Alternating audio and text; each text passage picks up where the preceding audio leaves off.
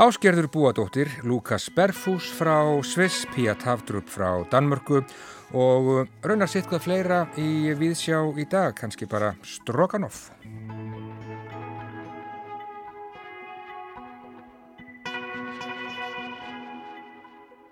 Við ætlum að huga að verkum og ferli áskerðar búadóttur myndlistarkonu hér undir lokþáttarins. Hún var brautriðandi á sviði listvefnaðar á Íslandi en nú gefst frábært tækifæri til að sjá verk áskerðar á síningunni Lífsfletir á Kjarvalstöðum. Í víðsjádagsins verður rætt við Aldísi Árnadóttur, síningastjóra síningarinnar á Kjarvalstöðum. Já og Gauti Kristmansson hann ætlar að rýna í dag í skáldsöguna Hagard eftir Lukas Berfús en uh, hann er marg verlunaður svisneskur reytufundur hlaut meðal annars árið 2019 hinn. Eftir sóttu Georg Buchner verlaun en þau eru talin þau mikilvægustu á þísku málsvæði. Meira um þessa bóki í Víðsjá í dag. Og meira bókum því að bókvikunar á ráseitt. Þessu sinni er ljóðaorval 1982 til 2012. Tvímála útgafa 80 ljóða úr 14 ljóðabókum, dönsku skaldkonunar Píu Taftrúp. Hlustendur heyra í þýðandanum Sigriði Helgu Sverristóttur í þættinum í dag. Já, svona verður þetta í viðsjá í dag en uh, það eru vist þessir tímar ágætu hlustendur við byrjum nákvæmlega svona.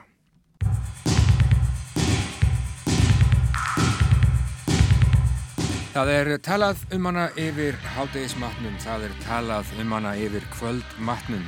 Það er talað um hana í sundlögunum, það er talað um hana í verslunarmiðstöðum og í kvikmyndahúsum og á veitingastöðum. Það er talað um hana í morgunfréttum, hátegisfréttum og kvöldfréttum. Engin undan komu leið. Orð á borð við sóttkví og neyðarstig, daglegt brauð, við kipum okkur varla upp við notkum þeirra. Þetta er bara eins og að bjóða góðan daginn eða segja, verður blessaður.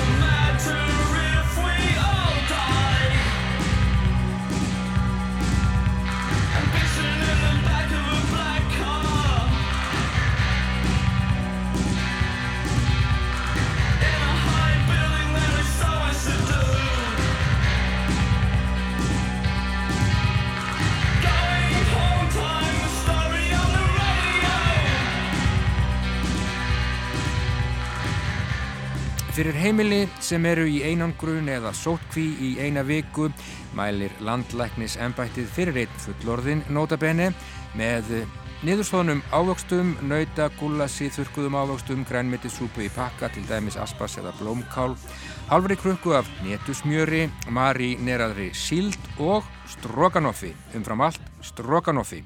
Þetta er eins og að ganga inn í búrið hjá ömmu árið 1980 vantar bara kandísinn. Þessir dagar drottin minn okkur er skotið fram og tilbaka í tíma. Sessunautur minn hér í eftirlitinu, hann er fættur árið 1987 þokkarlega vel upplýstur og raunar ríflega það. Hann veit ekki einu svona hvað Stroganov er, hvernig á hann að byrja þessu upp, hvernig á hann að lifa þetta af. Og þannig er svo margt í kringum ástandi nú, þetta er auðvitað einhvern veginn svo splungunýtt en um leið svo ótrúlega gamalt. Einhvern veginn algjörlega hundrað ára og meira en það Gunnar Gunnarsson Albert Camus eitthvað.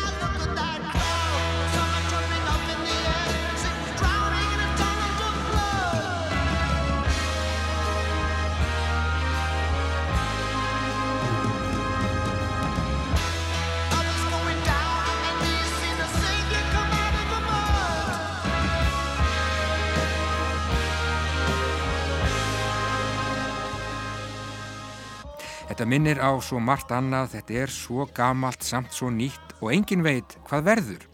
Og það eina sem við vitum er að við vitum ekki neitt, nákvæmlega ekki neitt. Kanski hefur þessi veira sem kendir til skiptis við kórónu og COVID beðið átekta í hundrað ár.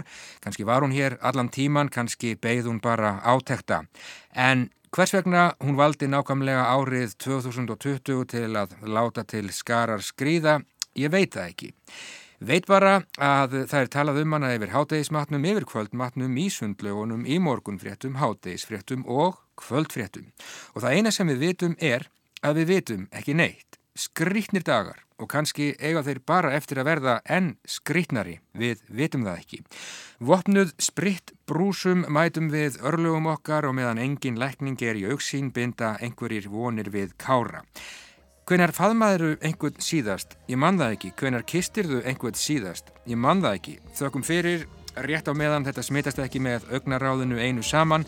Ekki getum við heitið á heilagan Vítus nú svo mikið er víst og ekki kemur hann moribund borgarstjóri sem lofaði að halda skrimstinu í skefjum í læginu með Pítur Gabriel forðum okkur til hjálpar nú.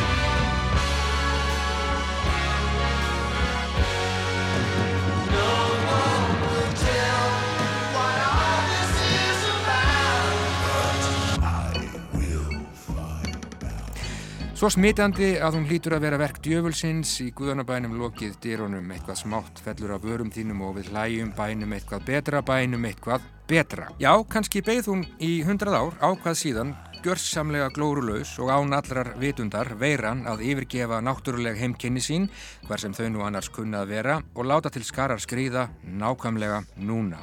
Kanski skrapp hún út úr gamalli skáldsögu, kannski frá árinu 1920 vantar ekkert nema eldsúluna sem knæfir, beint upp í loftið, sérkennilega glóandi á lit og krynd bleikum ljós hjálmi. Einhverstaðar í því sem við köllum tíma og rúm standa örlög okkar þögul og ósynileg býða og svo framvegis.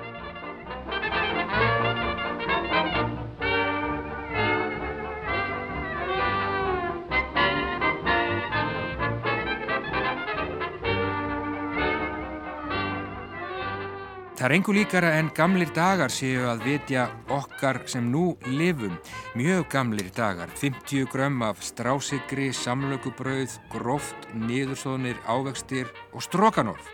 Mér skapi næst að halda að veiran hafi dormað í gömlu bókmyndaverki Kanski á blæsiði nummer 270 eða 310 áratugum eða jafnvel öldum saman. Hvers vegna núna, hvort viljið þið langasvarið eða stuttasvarið, hvað hafið þið langan tíma? Ágetur hlustendur, þetta snýst jú allt um tíma.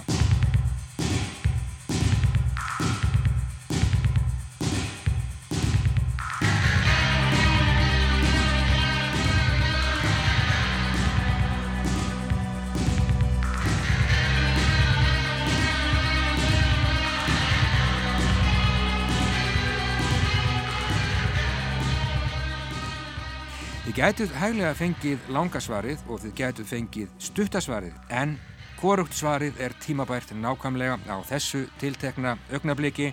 Þetta er of viðkvæmt því miður allt of mörgum líður allt og vila. Svo ég segi bara ekki neitt, engin lækning, nei, engin lækning.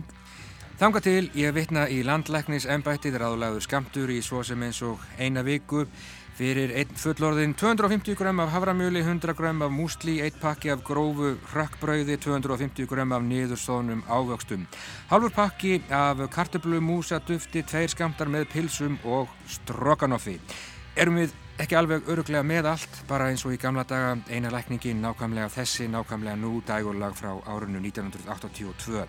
Hún verður að döga í byli að minnstakosti, ég get ekki bóðið upp á meir, ekki að sinni. Við býðum átekta, þökkum bara fyrir rétt á meðan, þetta smitast ekki með augnaráðinu einu saman. Þanga til góðastundir, niðursóðnir, ávextir, einsemt en þó umfram allt Strokanov.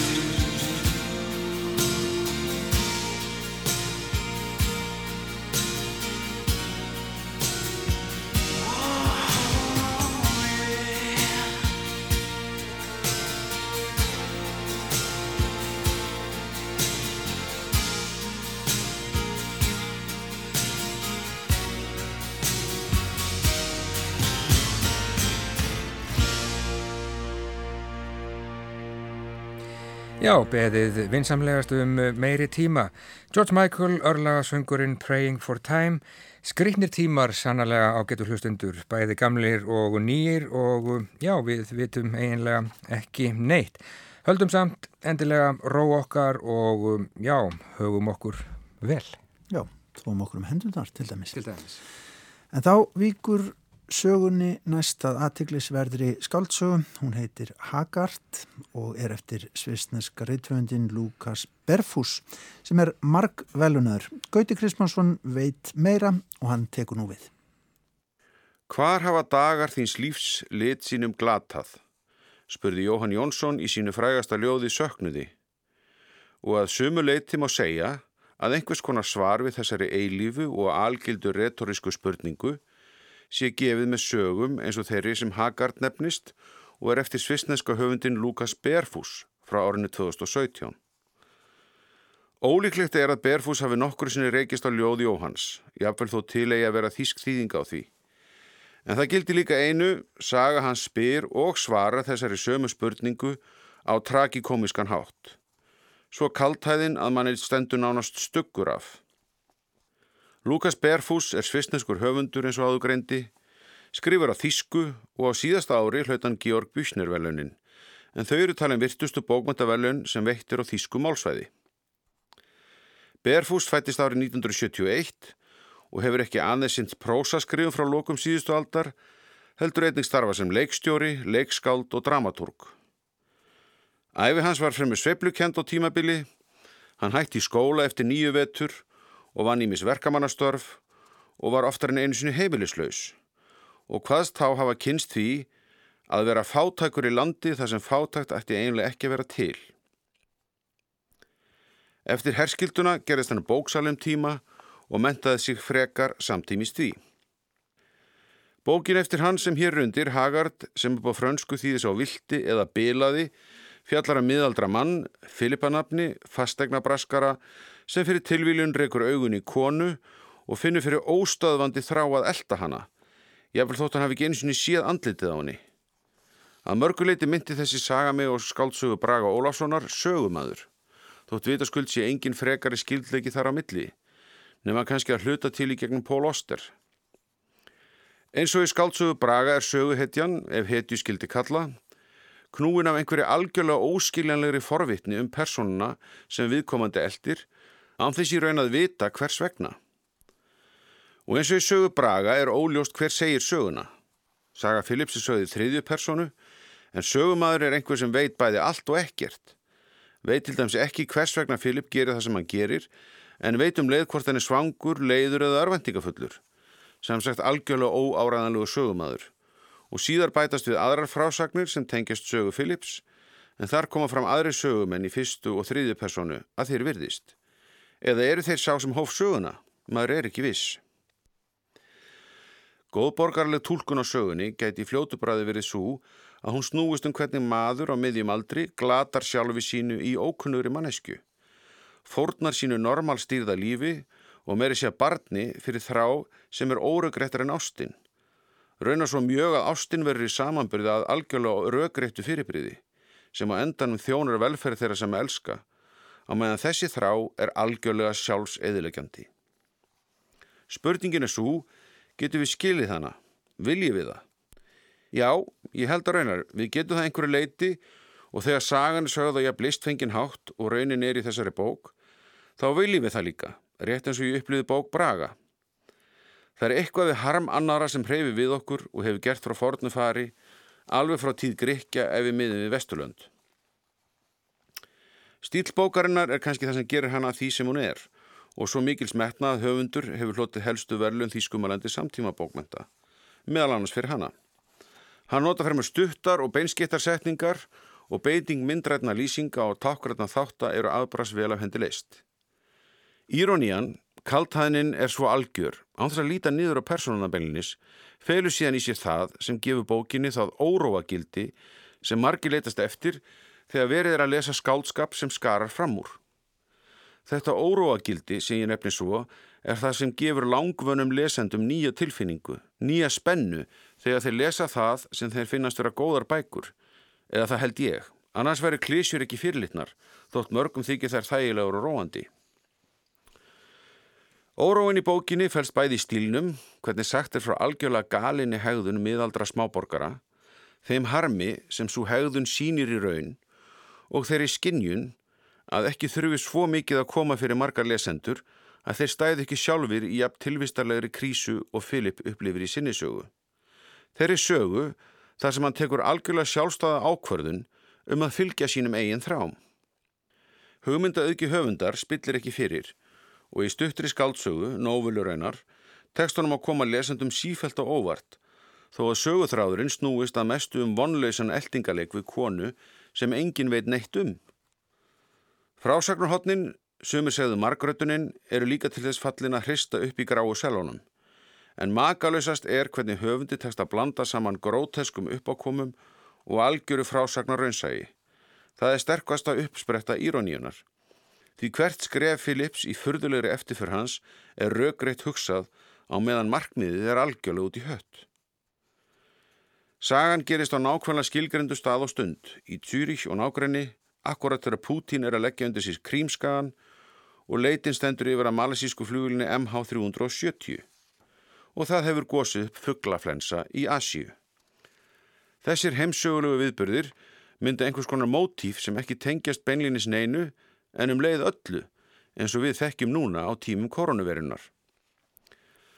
Undir lókbókarinnar koma síðan tvær frásagnar til viðbótar, kannski nokkuð bratt en það ná einnig því markmiði að íta undir óróagildi lestrarins. Önnu snýrað manni sem lifir vægast sagt litríku lífi en er samt á einhvern hátt andstæða Philips, er á vissan hátt hans nemesis í lokin. Hinn síðari er kannski fremur til að nýta saman lausa enda og skýra endanlegt fall Philips, því tilvílanir lífsins eru æfinlega óviðráðanlegar en um leið alltaf eins og örlegin sjálf. Frásögnin í heild er spennandi og framvindan dramatísk kannski ekki að förða hjá leikskáldi og leikstjóra, en það er með ólíkindu hver veltekst að dramatísera kirstaði atbyrði, eins og þegar svangur miðaldra maður býður tímunum saman fyrir utan dyr einhverstaðar og er að reyna að bjarga sér frá öllu nema sinni eigin sjálfs eðalegjandi þrá. Ennskaskáldu William Blake orti eitt sín í bálki sínum um hjónaband himnaríkis og helvítis, að fyrr skaldu bana barni í vöggu en að ala með þér ófullnaðar þrár. Spyrja má hvort saga Philips segja á endanum að það sé ymitt leiðin til helvítis að láta undan öllum sínum þrám. Þetta er vitanlega retorisk spurning sem ég svar ekki. Saði Gauti Krismansson um skáldsögunni Hagard eftir svisneska reythöfundin Lukas Berfús. Aðtiklisverðt verk sem að koma út árið 2017 og sannarlega aðtiklisverður höfundur þar á ferð. Og enn meira af bókum. Já, annar aðteglisverður höfundur. Bókvikunar hér á ráseitt er Ljóða úrval 1982 til 2012. Tvímála útgáfa 80 ljóða úr 14 ljóðabókum eftir dönsku skáldkonuna Píu Taftrúp. Jórun Siguradóttir, hún heiti Þýðandan Sigriði Helgu Sveristóttur. Píu Taftrúp er óígjandi eitt virtast og jáfnvel dáðasta skáldkona Danmerkur. Hún var 29 ára gömul þegar árið 1981 fyrsta ljóðabók hennar Nordegur Húlpóin Engel eða Engil Brestur kom út en þann titil þýðir Sigriður Helga Sveristóttir með Engil Brestur yfir á íslensku í úrvali Ljóða 1982 til 2012 sem kom út á seinasta ári. Pía Taftrúp hefur nú sendt frá sér að minnstakosti 17 ljóðabækur en einnig tvær skáldsögur, fáinn leikrit og bók um skáldskapramál. Bækur Píu hafa verið þýttar yfir á fjölmörg tungumál og sjálf hefur hún líka þýtt. Ljóð, engum eftir norrannar skáldkonu sem hún hefur sjálf dálætt á. Sigriður Helga Sveristóttir, þú hefur sjálf skrifað ljóð og gefið út á bókum auk þess að starfa sem framhaldsskóla kennari í ennsku.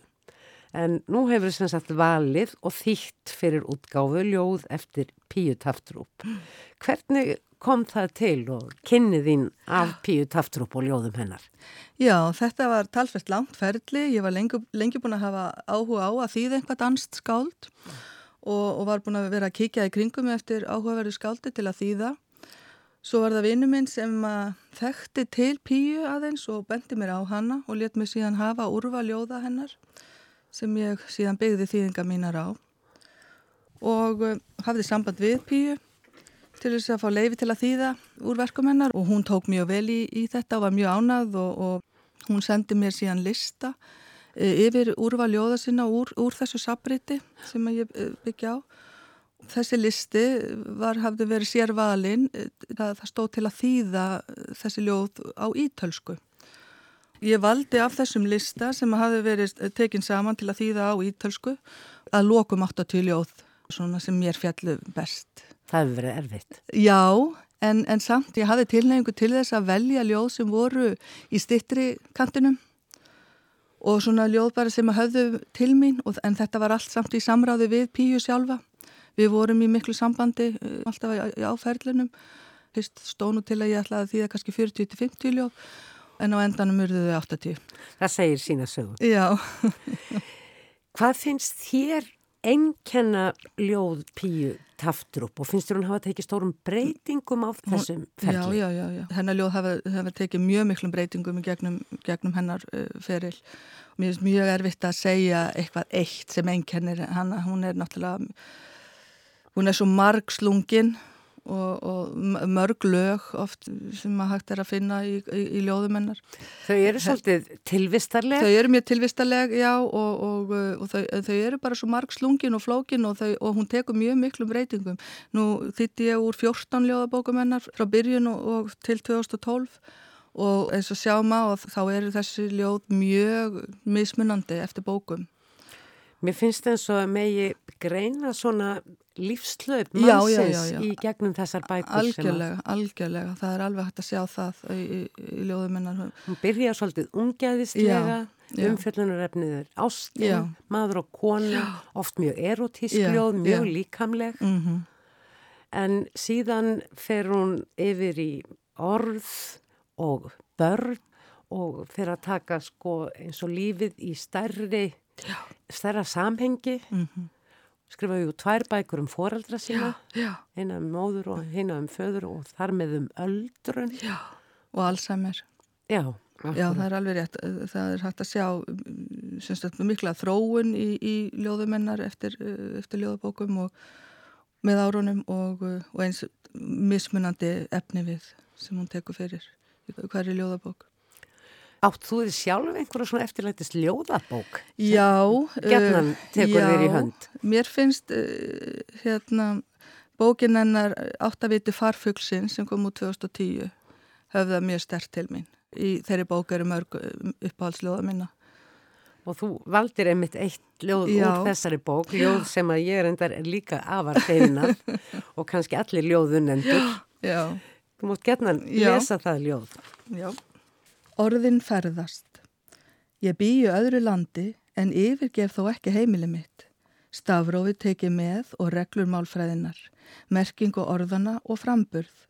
Óhað því hvar á nettinum ég set mig neyður. Bý ég í tungumálinu sem ég fættist í. Engin stormur annara tungumála feikir mínu um koll. Ég er ég í mínu eigin tungumáli, dreymir á því sem af tilviljun varð mitt móðumál. Ég skrifa heima, skrifa úti og hvarvetna það sama. Orðin hafa farfuglahjörtu, sínir grupningin. Þau vilja ná einhverjum öðrum og ég lifi með þessum fuglaorðum, söng þeirra og hása gargi. Ordene rejser Jeg bor i et andet land, men forlader alligevel ikke mit hjem. Alfabetet tager jeg med, og grammatikkens strukturer, ordenes betydning og betoning. Uanset hvor på kloden jeg slår mig ned, bor jeg i sproget, jeg er født ind i. Ingen storm af andre sprog vælter mit omkuld. Jeg er jeg i mit eget sprog, drømmer på det, der tilfældigt blev mit modersmål. Jeg skriver hjemme, skriver ude, overalt det samme. Ordene har trækfuglehjerte, viser dissektionen. De vil nå en anden, og jeg lever med disse fugleord, deres sang og hæse skrig. Sigriður Helga Sværistóttir las þýðingu sína á ljóði Píu Taftrúp orðin ferðast, úene ræsa sem Píu Taftrúp las síðan. Þetta minnir okkur á að þetta er tvímála útgáfa Sýriður Helga og hvernig fannst þér þessi tilhugsun að hafa þýðinguna svona við hliðina og frum tekstanum? Það var uppáðulega ekki mín hugmynd, heldur kom það til eh, eftir að Dansk-Íslenska félagið e, lísti verið áhuga á að, að gefa bókin út og þá sem tvítingda. En ég tók bara vel í, mér finnst það mjög sneiðu hugmynd. Hún talar um í viðtali sem ég tók við hana Pía Taftrup að eh, eftir því sem hún hafi verið lengur að yrkja að þá hafi bækurnar orðið heildstæðari og hún hafi fyllt eftir ákveðnum hugmyndum. Mm -hmm. Upplifur þú þetta líka?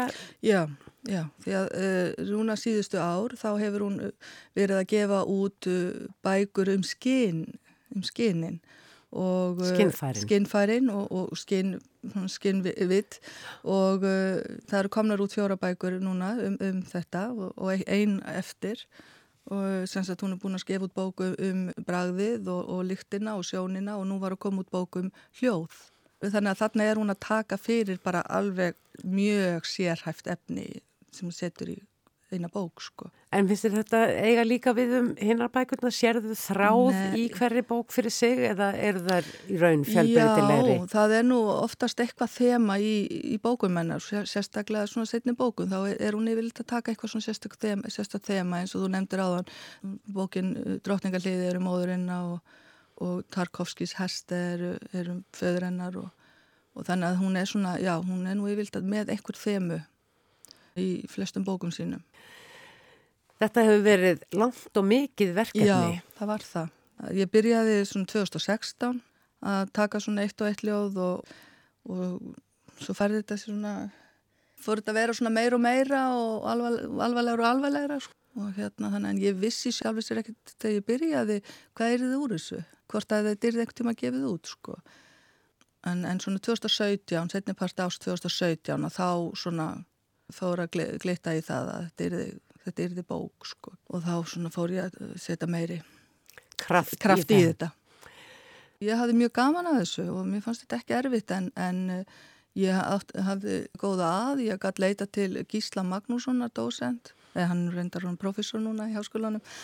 En síðan bara Pía sjálf, hún skrifar skýringar með, með öllum bókum sínum eiginlega og hún sendi mér alla skýringar Hvað áttu við með skýringar? Eh, svona, hún skrifa skýringar með ljóðunum sem, hún, sem að koma, sem fylgja bókunum stundum en, en hún sendi mér uh, skýringar sem, þar sem hún útskýrir hvaðan ljóðin til dæmis hver var kveikjan? hver var kveikjan og hvernig eru til hvað, hvað, hvað ímis orð þýða og annað slikt sko. Og það var mjög hjálplegt. Eins átt hún þýðingar á ennsku sem sérstaklega nýjustu bókunum og mér fannst mjög gott að hafa þær til hlýðsjónar þegar að voru eitthvað mjög erfið orði eða eitthvað mjög erfitt samhengi eða setningar sem að áttaði mikið alveg á og þá, þá var mjög þægild að geta farið í ennsku þýðingarnar. Því það, það er einhvern veginn þannig finnst mér að, að það er hægt að segja hlutin á svo einfaldan hátt á ennsku en, en eitt, eitt af því sem að svona þvældist mjög lengi fyrir mér til að nefna einhver dæmi til dæmis bara hérna, titillin á fyrstu ljóðabókin hennar. Nordigur húl på en engel. Já, þetta þvældist mjög mikið fyrir mér. Þegar og, kemur gata á engil. Já, hvað þýðir það? Þetta var talsterfitt að finna einhverja þýðung á þessu sko. Og svo var það bara þetta einfalda setning. Já, þegar engil brestur og fólk getur kannski svo bara skilið það þann hátt sem það vil sko. Mm. Dundum eru ljóðin en að þannig að það verður bara hverja einn að skilja þau sinn hátt eins og ég segi, er, er ekkert sjálfgefið allt og, og, og, og fólk verður bara að upplifa ljóðin ennar einhvern veginn svona sinnhátt, finnst mér. Það ætla ég að lesa tvö ljóð úr drottningaliðinu Hönd móður minnar. Baða mig í þögullu byrtu drópans og minnist þess hvernig ég var til. Blíjandi stungið í höndina, svöl hönd móður minnar um mína sem var heit og svo skrifuðum við inn og út millir kóralrifa, neðansjávar stafróf úr bugðum og ottum, úr sniklaspíral, úr krossfiskabrottum, úr patandi kolkrabbaörmum, úr helliskvelvingum og klettamyndunum. Bókstafir sem teitruðu og rötuðu, uggandi yfir þessu kvíta. Orð eins og flatir fiskar sem blökuðu og grófu sér niður í sandin eða svignandi sæfíblar með hundru þráða í hljóðuri reyfingu samtímis. Setningar eins og torfur af fiski sem fengu ugga og liftu sér, sem fengu vangi og hreyfðu sér taktfast, slóu ákaft eins og blóðmitt sem blind sló stjörnur mót næturhimni hjartans, þegar ég sá að hönd hennar hafði sleft minni að ég hafði fyrir laungu skrifa mig út úr greip hennar. Og næsta ljóð er einnig úr drotningarliðinu. Sem fjallar jú um samband píu við móður sína og um hana sem gamla konu. Já. Næsta ljóð heitir Engillin fær fætur sína þvegna. Engillin fær fætur sína þvegna. Hann hefur gengið um berfættur og er komin inn í húsið af tilviljun eins og skortir. Hinnir lögðu á flótta í allar áttir þegar hann steig inn eins og eldurinn kæmi of nálagt þeim. Lengi hafði ég heyrst einhvert kalla en um ótta getur sá sem finnur til ótta ekki talað. Þessi veröld er líka plánita fyrir engla. Nú situr einn upphafin og teinréttur fyrir framann mig. Ég hef látið hárið falla, borið inn fat með vatni og bustað heiminn rikið af fótum hans. Já, bókvikunar að þessu sinni hér á ráseitt ljóða úrval 1982 til 2012 tvímála útgáfa 80 ljóða úr 14 ljóðabókum eftir dönsku skáldkonuna Píu Taftrúb. Jórun Sigurðardóttir ræti þarna við þýðandan Sigriði Helgu Sveristóttur. Jórun, hún er jafnframt eh, umsjónarmadur þáttarins bókvikunar uh, hér á rás 1 á sunnudag og ræðir þá ljóð Píu Tafdrup við þau Gísla Magnússon, profesor við Mála og Menningardeild Háskóla Íslands og Sigrúnu Björnsdóttur, upplýsingafulltrúa og ljóðskáld. Þá ætlum við að snú okkur að myndlist hér í Víðsjá. Áskerður Búadóttir fætt 1920 Dáinn 2014 var brautriðjandi á sviði listvefnaðar á Íslandi og í verkum hennar saminast aldagamnar aðferðir handverksins og frjálssköpun myndlistar á 20. öld. Hún bar strax frá upphafi mikla virðingu fyrir vefnaðinum sem listformi, lítaður þráður sem ofinn var saman í heilstætt verk var í hennar augum ekki ómerkari listræn aðtöfn en að bera málingu á strega. Hér er ágættur hlustendur vitnað til skrifa Aldísar Árnadóttur listfræðings en hún er síningastjóri nýrar síningar Lífsfletir sem nú eru uppi á kjarvalstöðum með verkum áskerðar. Þar gefst frábært tækifærið til að sjá verk listakonunar en aðtikli vakti í fjölmiðlum á dögunum að auglist var eftir einu verkana í fjölmiðlum. Það verk fannst að lokum, það heitir Kona með fuggl og er eitt af eldstu verkum áskerðar, verluna verk eftir hana reyndar. Við hittum síningastjórun Aldísi Átnandóttur innan um verkin á kjarvalstöðum og tölum fyrst um þessa leit.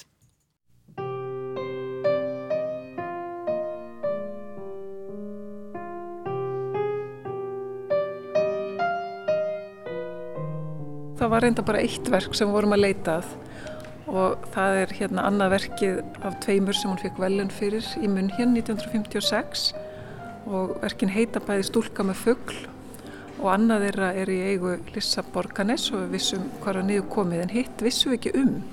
Þetta stærra sem Já, sagt, ekki þetta satt. stærra. Og, Þetta er til í eftirbrentun heim og mér. já, einmitt. Ragnar í smára gerði eftirprentuna þessu og, og hérna og margir kannast við það frá því þannig að þetta er það þekkt og það bara leitin bara árangur þegar að hérna, Facebook fór á stað og miðlarnir og rúf meðal annars að hjálpa okkur. Þannig að það kom í ljós. Og reyndist að vera í enga það var í engaegn, já, og er í engaegn Sko ef við horfum yfir þennan sal og það er gaman að sjá þessi verk eh, saman komin maður þekki lítin hennar áskerðar Já. alveg greinlegt, það er fyrsta sem maður hugsar. Já, að, hérna þetta eru verk bæði frá stofnunum ekki satt og, og svo er góðu slatti í enga já, það er mikið af verkum sem eru hérna inni sem eru úr engaegn og það þurfti svolítið að, leita að þeim eins og gengur að gerist. En hérna gaman að ná þeim samt saman, þetta eru verk sem að hafa ekki verið sínt sem bara mjög lengi og kannski ekki frá því bara voru sínt uppháflega, kannski 67-8 eða eitthvað svo leis og, og hérna þá, þá er tækifæri til að sjá þau núna í heild náttúrulega. Sko hún er að svona hasla sér völl er það ekki bara strax á 5. ártögnum Já, hún er í námi í Danmarku til 49 og svo kemur hún heim, hún var sérst uh, í málardeld í Danmarku en kaupir sér vefstól áður hún kemur heim og hafði aldrei prófað að vefa og en einhver hluta vegna kaupir hún stólinn og svo byrjar hún kannski svona í byrjun sjötta áratugurins að pröfa sér áfram að vefa. Sko vitum við eitthvað hvað kemur til vegna þess að það er örglega á þessum tíma já, svona ekkert alveg augljóst að vara út í þetta og, að, að búa til já, verka þessu tægi með, með vefstól Nei, það er sko, hún segir sjálf, hún veit ekki alveg af hverju hún hérna velur þetta, en hún segir jafnframt að hún hafi ekki fundið sig í málverkinu. Það var eitthvað sem að gekk ekki alveg upp að henni fannst, þannig að hún vildi reyna eitthvað nýtt og þá verður þetta fyrir valinu og hún hafði ekkert lært sjálf að vefa, hún bara fór á kvöldnámskeið hinn í Reykjavík, eitt kvöld og öðru leitin sjálfmentu í vefnaði. Það er hansi magnað Já, Ha. og nær þessum frábæru tökum á miðlinum Já. en það þýðir náttúrulega hún hefur þurft að prófa sér áfram og hérna gera mistök og reyna á þetta enda laust, sko, öðru, öðru vísi er þetta ekki hægt að ná þessum árangri. Til dæmis með mig, þá hef ég verið að vinna fyrir síningu. Þetta er svo, þetta er svo langu tími sem ég verið að vinna, til dæmis ef ég hug, hug, hugað síningu. Þá tekur þetta bara nokkuð mörg ár og ég í rauninni verð að vera við og ég verð að skipuleikja tíma minn. Ég fer í, í sundi á mótnana og Og kem, kem, að, kem heim svona uh, rúmlega jafnvel að hálf nýju þá er ég stundum á undan að hella upp á kaffið eða Björn er búinn að gera það. Og þetta er einlega bara svo, svo indæla stundir að sitjast niður vera búinn að ég hálf vorkinni byrni hafi ekki sko fengið að, finna hvernig það er að fara í sund. Það er svo, það er svo, það er svo hreint og það er svo bjart og jafnvel í sko dimmasta skamdeginu þá finnst mér það að vera þannig.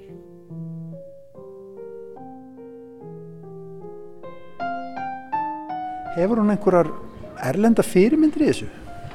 Mm, hún hefur aðeins líst í að hún hafi séð vefnað sko þegar hún hefur verið að ferðast en það er ekki mikið um fyrirmyndir uh, hér. Það eru örfáar konur uh, sem hafa verið að vefa og þetta Júlíana Sveinsdóttir var henni samtíða í Kaupmannahöfn en Júlí hafði þetta bæða mála og, og vefa en síndi hér á landi samhliða mm -hmm. og Vítis Kristjánsdóttir bara til að nefna eitthvað dæmi en, en hún stendur svolítið einn sem hérna listamöður sem að notar vefinn sem miðil hér á þessum tíma en er samt sem að bara fástu sömu hluti og aðrir myndlistamenn. Svo sér maður það, hér í eldstu myndunum þá er svona figuratíft smávegis en, en svo losnar þetta upp í í abstrakt, hún já. fer inn í þann hóp ekki satt? Já, algjörlega og bara mjög snemma, bara upp úr 1960 og bara í þessum fyrstu verkum er hún svona, maður sér hún er að fikra sig áfram mm -hmm. yfir í svona óhlutbundi, svona stíliseri form -hmm. hér og, og hérna fer svo yfir í bara alveg abstrakt strax hérna í kringum 1960 já. og þá sér maður kannski tilraunir hjá henni með vefnaðinn, hún er sérst á sama tíma bæði að vefa sléttan vef og svona ríja eða röggvateppi þar sem að, að þræðinni liggja lausir á yfirborðinu. Þannig að hún er að prófa sér svolítið áfram með áferð og, og, hérna, og efnið Hvernig viðtökur fekk hún þegar hún fór að sína? Uh, að því að hún heldur nú slatt af síningum, enga síningum Já, hún fekk bara góðar viðtökur, myndi ég segja, hún bara virtur myndlistamæður en, en stendur náttúrulega þess að segja bara ein með þennan miðil í höndunum mm. Þannig að henni náttúrulega strax vil tekið uh, þegar hún er að sína í fyrsta sinn ellendis í munn hér og fær velun og þetta gefur það henni byr sko, til að halda áfram. Þannig að það fer vel á stað hennar ferill. Og í rauninni veit ég ekkert um vefna því ég fer út fyrst á, á akademíu, búin að vera í handíðaskólanum. Ég er ekki hugmynd um það eiginlega, hvað það er og, ég, allir ætla að vera málarar og ég líka. En svo, svo sé, fer þetta, það, eitthvað, það var eitthvað í þessum tí, tíma, það var eins og að vaknaði eitthvað til annars. Það komu síningar, vefnaði síningar sem maður heyrði um og við sá sumar. Og þegar ég kom heim sko þá eiginlega er það þetta sem ég ætla að takast á því að reyna.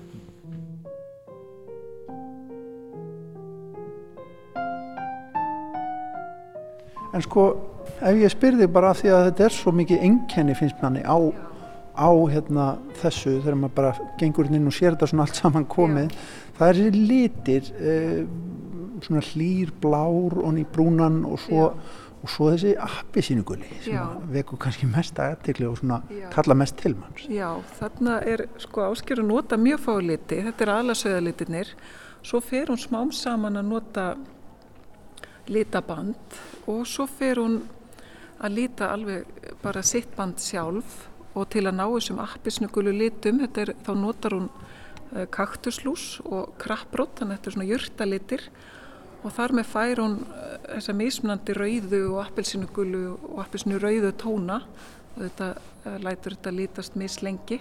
Býtu við lús? Já. Hver, hvernig? Hver, af því ég veit ekki hvernig þetta virkar. þetta er þurku kaktuslús sem er mölið niður og gefur hennan mikla lit. Þannig að ekki, hann kemur ekki úr engu?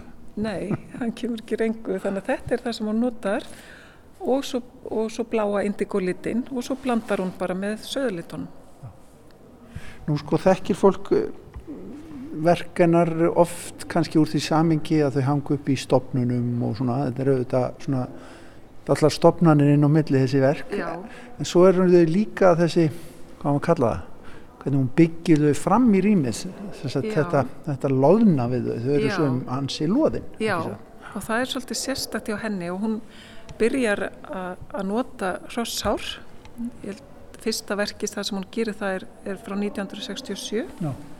sem heitir Mæ og þá er hún að nota hrossárið bara mjög létt og gísið og það er alls ekki hugsað til skrauts, heldur þjónar þetta tilgangi myndbyggingarinnar hjá henni og, og, hérna, og maður sér hvernig hún þróir það áfram og það fer að þjættast uh, og svo í verkonum sem eru innar í salnum að það eru komin alveg þjætt form af rossárinu þannig að þau eru í fyrirningum og, og þrýrningum og alveg þjættur, hérna, þjættur massi af hári Þetta eru hennar efni, það er að segja ullin, íslenska ullin Já. og svo rossárið. Já, notar nær engungu uh, það og, og eins og ég segi, hún notar aðeins liti hann á sjötta áratögnum sem hún bara kemst í, litaband, en svo bara litar hún sjálf upp frá því. En hvernig stóð á því að, að, þessum, þessum tengslum við já, við fortíðin eða við íslenskt efni, nú, þú fórst að nota rossár til dæmis. Já, já, það kom nú nokkuð setna, sko, íslenskt efni og íslenskt efni, ég var ofta öfunda þessa kollega mína í, í, á Norðurlandun til dæmis sem gáttu gengið í, í vestlanir og valið sér liti. Mm. Ég let mig bara hafa það að nota það sem var til og það var eins og hæði mér svona, eða smátt og smátt Ég var kannski bara að löta, nenni ekki að fara að panta mér eitthvað, eitthvað efni utanfrá, sko. Lesu letin. Já, og, og ég, ég fannst ég svona reyna að takast á við það, að, að nota þetta efni sem var til. Það var óskaplega mikið krítisirað, sko, að ullin væri ekki nógu góð og það var ekki farið svona og svona með hana því til annars brúks líka. En þarna fann ég svona daldi gróft eh, efni sem ég fannst ég geta unnið úr. Hver lengi var hún að, hún áskerður í, í listsenni, hvernig hérna, hver langur er þessi ferill svona við árum á það? Já, hún er bara fram undir 2000 um það byll, þá er hún, þegar hún flytur úr húsnæðinu sínu og þá tekur hún í vefstólinn og þá er hún hætt og þannig að eldstu verkin sem eru hér eru frá svona 95-98 mm en svona framundir 2000 ég held að sé tilverk um það byrjum þetta leiti Nú verður ekki litið fram hjá því að hún er auðvitað gift miklum myndlistar Páfa á Íslandi byrni tíu á bjössinni sko hvernig hérna virkaði það fyrir myndlistamann sem var hérna, komin þessu fótunum og að eiga sín eigin rödd Já, það, var náttúrulega mjög vel, mjög vel tengdur auðvitað. Já, mm. bara góð spurning og það er kannski erfitt að svara þessu en uh, Björn hefur auðvitað verið og var sterkur karakter og margir þekkja hann en hann auðvitað skrifaði líka um hana, talaði alltaf mjög vel um hana sem myndlistamann og auðvitað uh, kynir hana en, en það er erfitt að svara þessu hvort að það hafi verið, hvað áhrif það hefur haft fyrir hennar feril hvort hann hafi verið að leggja til hugmyndir eða, eða kritisera hann á svona dagstæðilega, veit maður ekki? Nei, ég get ekki svara því sko, en hún stendur fyllilega undir sínum verkum og sínu bara starfi sem myndlistamæður og, og hérna hefur gert það vel. Og ég heyrði það einhver tíman að ég var spurð, gerir Björn fyrir þig þetta sem þú ert að vefa? Það var bara alls ekki að ég hefði geta gert það, það var einlega allt, Björn átt að hafa gert allt. Ég reyndi nú að, ég reyndi nú að... Hefur þú prófað að viða Björn? Ég hef ekki prófað neitt af þessu tægi og við felum hvort fyrir öðru allt sem við erum að gera. Þannig að ég hef ekki hugmynd um hvað hún er að vinna hér nýra og fæ ekki að sjá það. Nei, ég... Fyrir náð og miskun fyrir hennar algjörlega búið og búið að ganga frá því og eins og lesaði honum fyrir hann alveg tilbúin. Jú, hann leiði mér nú að lesa, Einstaklega. hlusta. Hann les nú stundum fyrir mig á blöðum, Já. það sem hann er að gera. En ég læt hann aldrei sjá það sem ég er að gera, það sem ég er búin að tekna og það sem ég sé fyrr en ég er búinn og búinn að taka það niður og búinn að ganga frá því og helst hengja upp á ekk.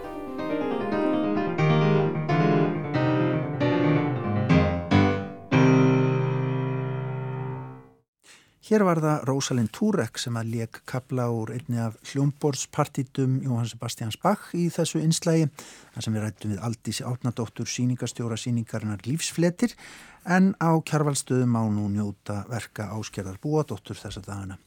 Við fengum líka brott að láni úr þætti sem að Ævar Kjartansson gerði árið 1994 þegar hann heimsótti hjónin áskerði búadóttur og Björn T.H. Björnsson.